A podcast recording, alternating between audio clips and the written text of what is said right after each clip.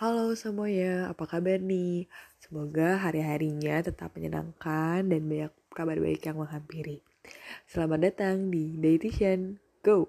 Oke, Oke, jadi pada kesempatan kali ini kita akan ngebahas tentang 10 fakta dan mitos tentang diabetes mellitus. Stay tune!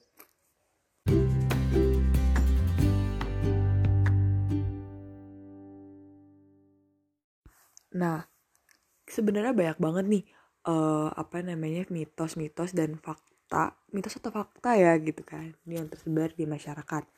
Nah, jadi kita bakal ngebahas 10 mitos pen, bukan penting, 10 mitos yang paling banyak mungkin terdengar di masyarakat, oke? Okay? Nah, kepo nggak nih apa aja mitos yang uh, akan kita bahas? Oke. Okay. Yang pertama, Benar gak sih kalau misalnya diabetes itu penyakit orang tua? Nah, faktanya enggak nih. Enggak hanya orang dewasa ataupun orang tua. Orang tua tuh definisinya apa sih? Ya udah tua, udah lansia.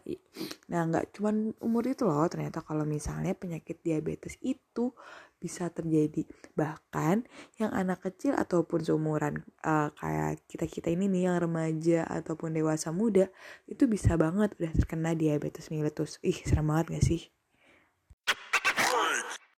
jadi tadi bisa diituin ya kalau misal nggak cuma orang dewasa aja nih yang bisa kena penyakit diabetes nah selanjutnya nih kita bahas tentang jika orang tua saya mengalami diabetes saya pasti akan terkena diabetes mellitus Nah, bener bukan bener sih sebenarnya. Sering banget pasti dengarkan.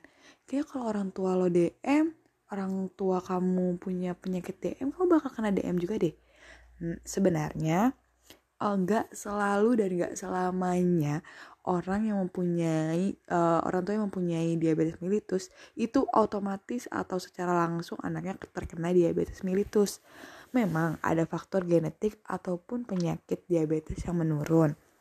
Namun, penyakit diabetes mellitus itu merupakan penyakit yang dapat dicegah dengan mengurangi faktor risiko ataupun pentriggernya teman-teman. Jadi, misalnya teman-teman punya orang tua ataupun riwayat uh, keluarga yang mempunyai diabetes mellitus, teman-teman bisa terhindar dari penyakit DM dengan cara menjaga pola makan dan olahraga dari teman-teman ataupun aktivitas fisik sebelum terkena ataupun didiagnosis dari DM.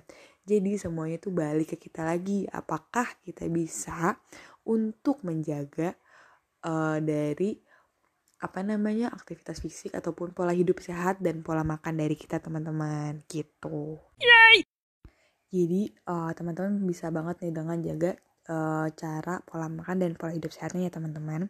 Oke, kita lanjut nih ke mit apa namanya mitos dan fakta selanjutnya uh, pernah dengar gak sih sering banget bilang kalau misalnya makan jangan banyak makan terlalu manis kalau misalnya makan banyak terlalu manis nanti bisa DM loh itu fakta atau mitos teman-teman? Ya kali ini adalah fakta. Karena makan manis yang berlebihan itu dapat berdampak pada kegemukan dan dapat berakibat terjadinya DM. Nah, nggak selalu sih teman-teman. Harus gemuk dulu baru DM, nggak. Jadi kadang kalau misalnya terlalu banyak makan manis itu apa namanya sistem dari metabolisme kita bisa salah satunya rusak uh, metabolisme DM-nya entah insulinnya jadi tidak sensitif ataupun insulin tidak mampu uh, menampung banyaknya gula yang masuk dalam tubuh akhirnya bisa rusak seperti itu teman-teman. Jadi itu fakta ya. Kalau kita makan manis-manis itu nggak berlebihan oke? Okay? gitu.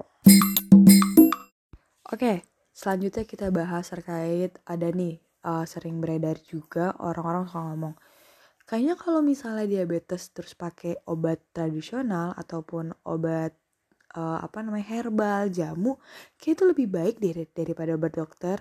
Hmm itu salah atau benar ya? Nah bisa banget nih denger podcast yang kemarin sebelumnya tentang obatnya para DM itu bisa dari jelasin banget kalau ternyata obat dokter dan obat tradisional itu sama-sama mempunyai efek samping. Sebalik sebaiknya kita tetap harus konsultasi nih dengan uh, dokter yang uh, memegang kasus ataupun uh, punya tanggung jawab terhadap DM kita ataupun kita sering konsultasi ke dokter tersebut. Gitu teman-teman. Nah untuk kedengaran lebih lanjutnya sebenarnya obat herbal ataupun obat yang kayak gimana sih uh, yang dapat berdampak jelek atau gimana pun itu bisa didengar di podcast yang sebelumnya ya teman-teman. Oke kita lanjut lagi ke mitos fakta berikutnya. Kayaknya kalau misalnya DM itu nggak um, ada dampak apa-apanya atau kita ngerasa sehat-sehat aja itu bukan masalah besar deh. Nah ini adalah pemikiran ataupun um, mindset ataupun informasi yang agak salah banget bukan agak lagi salah nih teman-teman di masyarakat. Kenapa? Karena jika dibiarkan ataupun gak diperiksa ataupun gak dikontrol dengan baik DM ini bisa menyebabkan komplikasi yang sangat serius teman-teman jadi, DM ini merupakan salah satu sindrom ataupun tanda gejala ataupun bisa disebut dengan gerbang dari berbagai penyakit. Karena kerusakan insulin ini bisa menyebabkan kerusakan berbagai organ juga seperti penyakit jantung, ginjal, hati itu bisa banget terkena pada pasien-pasien DM yang tidak terkontrol gula darahnya, teman-teman. Jadi, apabila sudah terdiagnosa penyakit DM, ada baiknya kita untuk menjaga gula darah kita dan konsultasikan secara rutin kepada dokter ataupun ahli gizi ataupun tenaga kesehatan lainnya, teman-teman. Gitu. Ada yang itu nggak nih? Tadi udah berapa mitos fakta? Oke, kita lanjut ke yang keenam nih, teman-teman. Yang per, uh, yang keenam adalah kalau udah jadi penyandang DM ini nggak boleh nih makan permen sama coklat itu fakta apa salah? Itu fakta apa salah? Itu fakta atau mitos? Mitos ya teman-teman. Jadi penyandang DM ini boleh makan permen ataupun coklat itu itu tapi harus dikontrol gula darah. Jadi dibatasi asupannya. Gak semata-mata boleh makan permen ataupun coklat dengan banyak. Jadi kuncinya adalah porsinya kecil dan hanya makan jika ada acara istimewa ataupun hanya lagi kepengen aja gitu. Dan jangan lupa juga untuk mengontrol gula darah yang lainnya. Misalnya sekarang udah makan coklat berarti jangan konsumsi kue manis ataupun minum minuman manis lainnya gitu teman-teman Oke, selanjutnya tadi udah mitos ke-6, selanjutnya mitos ke-7. Nah, mitos ke-7 ini berkaitan dengan kondisi hamil, teman-teman. Jadi ada yang suka bilang gini, diabetes pada ibu, ibu hamil ataupun uh, biasa kita kenal dengan gestasional diabetes gak perlu dianggap serius karena kan menghilang begitu saja saat melahirkan. Wah, bahaya nih teman-teman kalau misalnya teman-teman punya pemikiran seperti itu. Karena faktanya 50-70% ibu hamil yang baru memiliki diabetes saat hamil atau GDM saat dan saat setelahnya itu bisa terkena lagi loh teman-teman. Uh, DM itu tetap ada di ibu hamil tersebut. Jadi pokoknya dengan DM ini gak boleh sembarangan, harus dikonsulkan ke dokter. Oke, okay, kayaknya udah cukup lama nih ya Udah berapa menit nih kita ngobrol tentang mitos fakta. Oke, selanjutnya fakta ke-8. Penyandang DM boleh makan banyak buah dan uh, sayur-sayuran sebanyak-banyaknya, terutama buah nih. Hmm, lagi-lagi itu mitos teman-teman. Kenapa? Walaupun itu namanya buah, tapi buah mengandung karbohidrat ataupun rasa manis kan? Teman-teman, nah itu harus dibatasi juga teman-teman. Karena Benar kalau buah itu adalah makanan sehat yang mengandung banyak serat, vitamin dan mineral. Tapi itu harus diatur juga sesuai dengan anjurannya teman-teman. Jadi nggak boleh sembarangan makan buah sepuasnya sehari-hari. Oh saya makan buah tapi tetap naik ya. Nah itu karena nggak diatur makan buahnya. Lanjut teman-teman. Oke lanjut ke yang ke berapa nih? Ke 10 kayaknya ya. Eh belum, ke 9 teman-teman. Penyandang diabetes tak tak boleh makan makanan dengan tinggi uh, apa karbohidrat seperti pasta, kentang, terus apalagi nggak boleh makan nasi dan nggak boleh makan gandum. Wow, informasi dari mana nih? Gitu kan? Sebenarnya lagi-lagi teman-teman boleh ataupun tapi ingat dibatasi, oke? Okay? Jadi boleh dikonsultasi banget, dikonsultasikan banget ke ahli gizi itu terkait pola makan bagaimana nih porsi yang baik untuk DM itu kayak yang udah kita bahas di section 1 ataupun di episode 1 tentang DM ya teman-teman. Boleh dengar lagi episodenya. Gitu teman-teman. Jadi boleh tapi dibatasi ataupun uh, dikurangi. Selanjutnya nih terakhir uh, teman-teman masih terkait yang tadi nyambung ke kehamilan.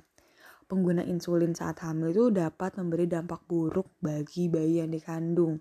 Nah untuk teman-teman dengan diabetes mellitus yang penggunaan insulin nggak perlu khawatir. Apabila penggunaan insulinnya tepat dan tetap dikonsultasikan kepada dokter ataupun ahli gizi, insya Allah aman teman-teman. Jadi insulin ini tidak memberi dampak yang buruk bagi bayi. Bah, malahan nih, kondisi kadar gula darah yang tidak terkontrol ini dapat memberi dampak buruk bagi bayi.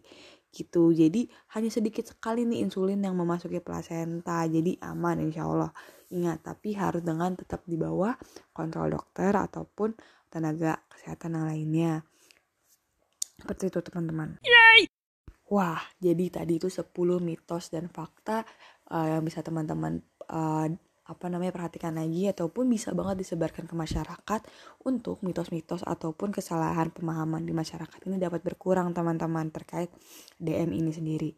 Tetap uh, semoga oke, yang tadi terkait yang boleh makan apa aja ataupun tidak ada batasan itu uh, tergantung dengan kondisi pasiennya teman-teman. Apakah pasien tersebut mempunyai penyakit lain seperti jantung, ginjal ataupun uh, paru-paru itu bisa uh, itu harus banget dikonsultasikan lebih lanjut dan beda lagi nih penanganannya. Ini tadi kita bahas secara umum dengan diabetes mellitus yang tidak mempunyai penyakit kompleks ataupun penyakit penyerta uh, lainnya. Semoga informasi tadi bisa disebarluaskan uh, dan di, bisa membawa dampak uh, baik ataupun manfaat buat kita dan orang-orang yang kita cintai dan orang-orang dan di sekitar dan masyarakat luas di Indonesia. Oke, akhir kata uh, kurang lebih mohon maaf untuk episode kali ini. Wassalamualaikum warahmatullahi wabarakatuh. Dadah teman-teman semua. Sampai jumpa di episode selanjutnya. Yeay!